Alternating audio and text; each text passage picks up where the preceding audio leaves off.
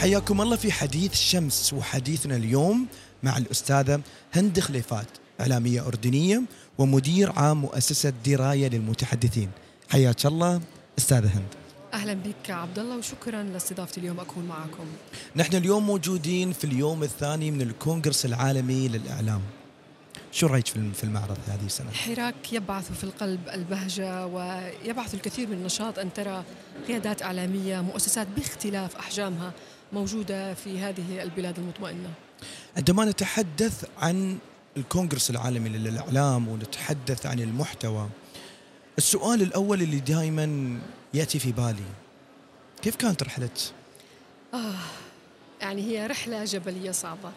أنا بنت من جنوب الأردن من قرى من الأردن من البتراء وأنا أعتقد أنه يمكن سمعت فيها معروفة زرتها في آه، عام جميل. 2012 أنا من هذه البلاد. وحين بدأت رحلتي بالإعلام أنا من هذا المجتمع الذي كثير لديه من التحفظ أن تنخرط الإمرأة في عالم الإعلام آه، بدأت الرحلة طبعا أكيد أنا درست الإعلام لكن أنا قبلها كاتبة جيدة آه، رسامة إنسانة لها علاقة بالإحساس أن تكون صانع محتوى مبكر قبل ثورة ال social media مهمة ليست سهلة. لأنه بدأت أشتبك أرسم أنا أتذكر أنه كان عمري خمس سنوات في. معسكر الجيش أبوي كان عسكري أردني وأرسم على الحيطان بالخرابيشي وهي الألوان. فهي رحلة صناعة المحتوى وبعدها درست ماجستير الإعلام وتخرجت بدفعة أولى يعني كنت على في ذلك البرنامج وانخرطت في العديد من المؤسسات الإعلامية منها جريدة الرأي الأردنية آه، مؤسسة الإذاعة والتلفزيون وأيضا إذاعة الجامعة الأردنية. كل هذا كان جزء أو من ملامح الرحلة وأسست بعدها شركتي أنا شركتي في الأردن اسمها ألو كلاود متخصصة بصناعة المحتوى. وعملنا شركة الحمد لله جيدة. بعدين يعني اعترضت طريقي فرصة جميلة مضيئة في الإمارات التي نحب ونعشق في الأردن. فقلت راح أعمل re-steering لرحلتي. وألتحق بهذه المهمة مدير عام منصة دراية للمتحدثين.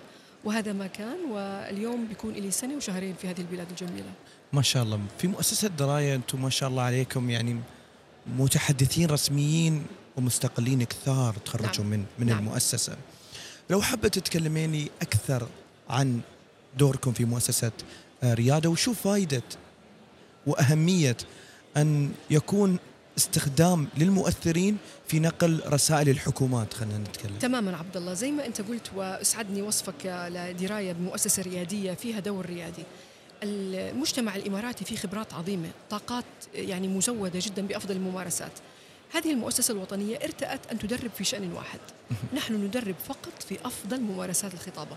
مهما كنت صانع محتوى، مهما كنت خبير في مجالك، أنت تحتاج أفضل الممارسات لتعكس هذا سواء بدك تطلع على ال social media بدك تستضاف في التلفزيون بدك تحكي راديو أو حتى بدك تعمل presentation لعرض تقديمي وتقنع الناس يشتروا هذا الشيء إحنا في بلادنا العربية لدينا شوية أزمة حقيقية في عالم الخطابة شعوب متحفظة وخجولة ومتواضعة لم ننخرط في حياة الخطابه في الدراسة مبكرا.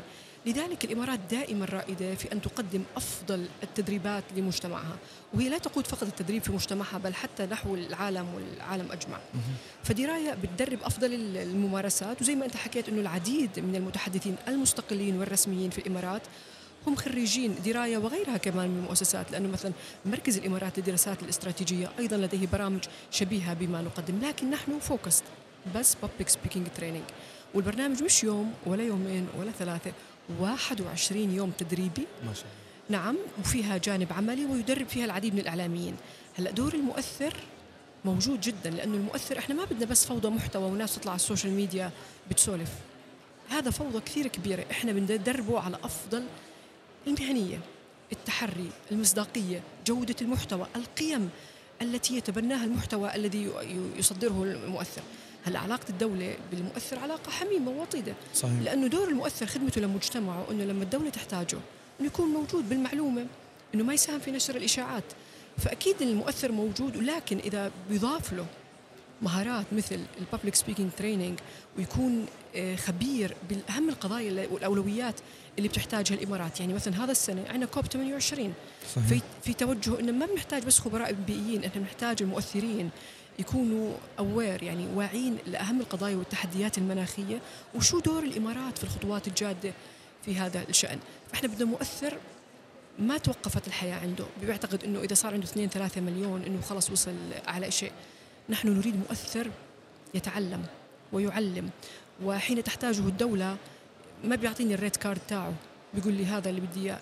أنا بقدم له خدمات معلومات. وبقدمه ودوره على المجتمع اللي فيه سواء كان في الإمارات ولا في أي بلد عربي إنه يكون هو مساهم حقيقي وإيجابي في نشر القضايا المجتمعية. وهذا من خلال المنصة الجميلة هاي بدي أقول لجميع المؤثرين إنه عليكم دور كبير في هذه الفوضى في العالم العربي إنه ساهموا معنا بالكلمة الطيبة نشر القيم الفضله وهذا الرزق الحقيقي اللي بيجيكم من السمعة الطيبة والاسم اللي بتيجي لكم أهم جدا من شو ما دفعت لكم المؤسسات والجهات فدوركم في هذه المرحلة دور سيادي ومهم ودائما نطلع إحنا على المؤثرين ذوي القيم الفضلة هذول لهم مستقبل بيصنعوه اليوم وبكرة بيصنعوه أكبر ليكونوا موجودين في صناعة القرار. صحيح أتفق معك خاصة ان استعمال المؤثر للترويج هو سلاح ذو حدين. تماما. ممكن يكون مفيد جدا لأنه بيساعدك في إيصال الرسالة لفئة كبيرة موجودة في المجتمع ومن الممكن أيضا أن مثل ما ذكرت انه ينشر لك خبر غير دقيق أو ينشر لك بعض المعلومات الغير دقيقة اللي بتساعد لاحقا في نشر الإشاعات. فهل أنت مع استعمال المؤثرين في إيصال الرسائل الحكومات؟ عبد الله أنت مؤثر إماراتي وموجود بهذه المنصة وتصنع دور محترم ومرموق ورشيق وعم بنشوفه لولا ما انت عملت الريبيوتيشن والسمعة الإيجابية ما كنت انت موجود هون وعم تحاور في هذا الموضوع. فأنا بقول إنه مهم جدا إنه المؤسسات الإعلامية على اختلافها وحتى السياسية والدولية لما تختار مؤثر إحنا ما نشوف البوست ولا اثنين ولا ستوري تاعته امبارح واليوم. إحنا يكون عندنا بروفايل حقيقي له شو القيم اللي بيعتنقها؟ شو كفاءته؟ شو درايته؟ شو ملاءته الذهنية؟ لأنه أنا لما أكون مؤسسة وعاملة جهود كبيرة وأطلع مؤثر محدود صحيح. المعرفة أنا بضر شوي سمعتي. فاختيار المؤثر عملية جدا دقيقة. صحيح. وللأسف البعض فقط يختار عدد يرى فقط عدد المتابعين. يعني و... عبد الله بدي أقول لك شغلة. هسه لو شغلنا bot على أي صفحة إنستغرام أو. تويتر بقدر أخليه 3 مليون بثلاث دقائق. إحنا بنعرف هذا الكلام. صحيح. بس هل المحتوى اللي بيقدمه authentic أصيل آه، موجود؟ في عنده متابعين حقيقيين؟ في عنده ناس بيدافعوا وبيرافعوا عن نفس الفكرة اللي بتبناها ولا عنده متابعين من بلاد ما بيعرفوا شو إحنا قضايانا. فعملية اختيار المؤثر وتعاوننا معه هي عملية يجب أن تكون رصينة وفيها مسؤولية كبيرة. لو نبغى نتكلم شوي عن مستقبل الإعلام. نعم. مستقبل الإعلام العربي ومستقبل المحتوى العربي أين ترينا إلى أي إلى أي على أي اتجاه طريق نحن رايحين؟ الاتجاه الصحيح أم الاتجاه الغير صحيح. أنا أعتقد أنني دائما على ديدن التفاؤل والإيمان أن هناك فرص حقيقية. هناك تحديات وهناك يعني مشاكل جوهرية لكن أنا عيني مبرمجة تشوف الإيجابيات. وجود هذا الحراك مثلا اليوم والناس تتبادل المعرفة والخبرات والمعلومات والتشبيك هذا مؤشر جيد أنه إحنا في المسار الصحيح. هلأ مع دائما لما يصير عندك فوضى إعلامية ومعلوماتية طبيعي side effect يصير عندك جنوح بعض الأفراد أو الجهات أو استخدام الجهات لبرامج يعني مضرة للبشرية والناس وأدلجتهم بمعلومات غير حقيقية. لكن ما ينفع الناس يعني يمكث في الأرض. بيبقى وجود كثير من الإعلاميين الإماراتيين المرموقين اللي مش بس مؤثرين في الإمارات مؤثرين في الوطن العربي قيمهم العظمى الحراك للمؤسسات اللي عم تكبر يوميا المؤسسات الريادية اللي بتطلع بالإمارات المبادرات الوطنية. اللي ما بتتوقف هذا مؤشر إنه إحنا عندنا إعلام صحي. نفس أيضا المنتديات الكثيرة اللي موجودة خاصة في دوله الامارات العربيه المتحدة هناك منتدى الاتصال الحكومي تماما. أنا كنت موجودة فيه في, في أجمل الفعاليات. نعم.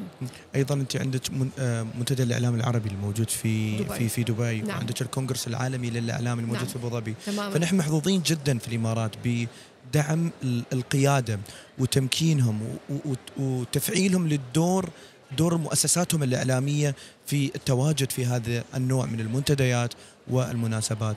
لو نبغى نختم معك أستاذة هند بنصيحة للمؤثر أو المتلقي اللي قاعد يسمع بودكاست حديث الشمس أعطيه نصيحة للدخول في عالم ريادة الأعمال بحكم أن أنت داخل هذا المجال وأيضا في في صناعة المحتوى الإعلامي أو محتوى الخطابات.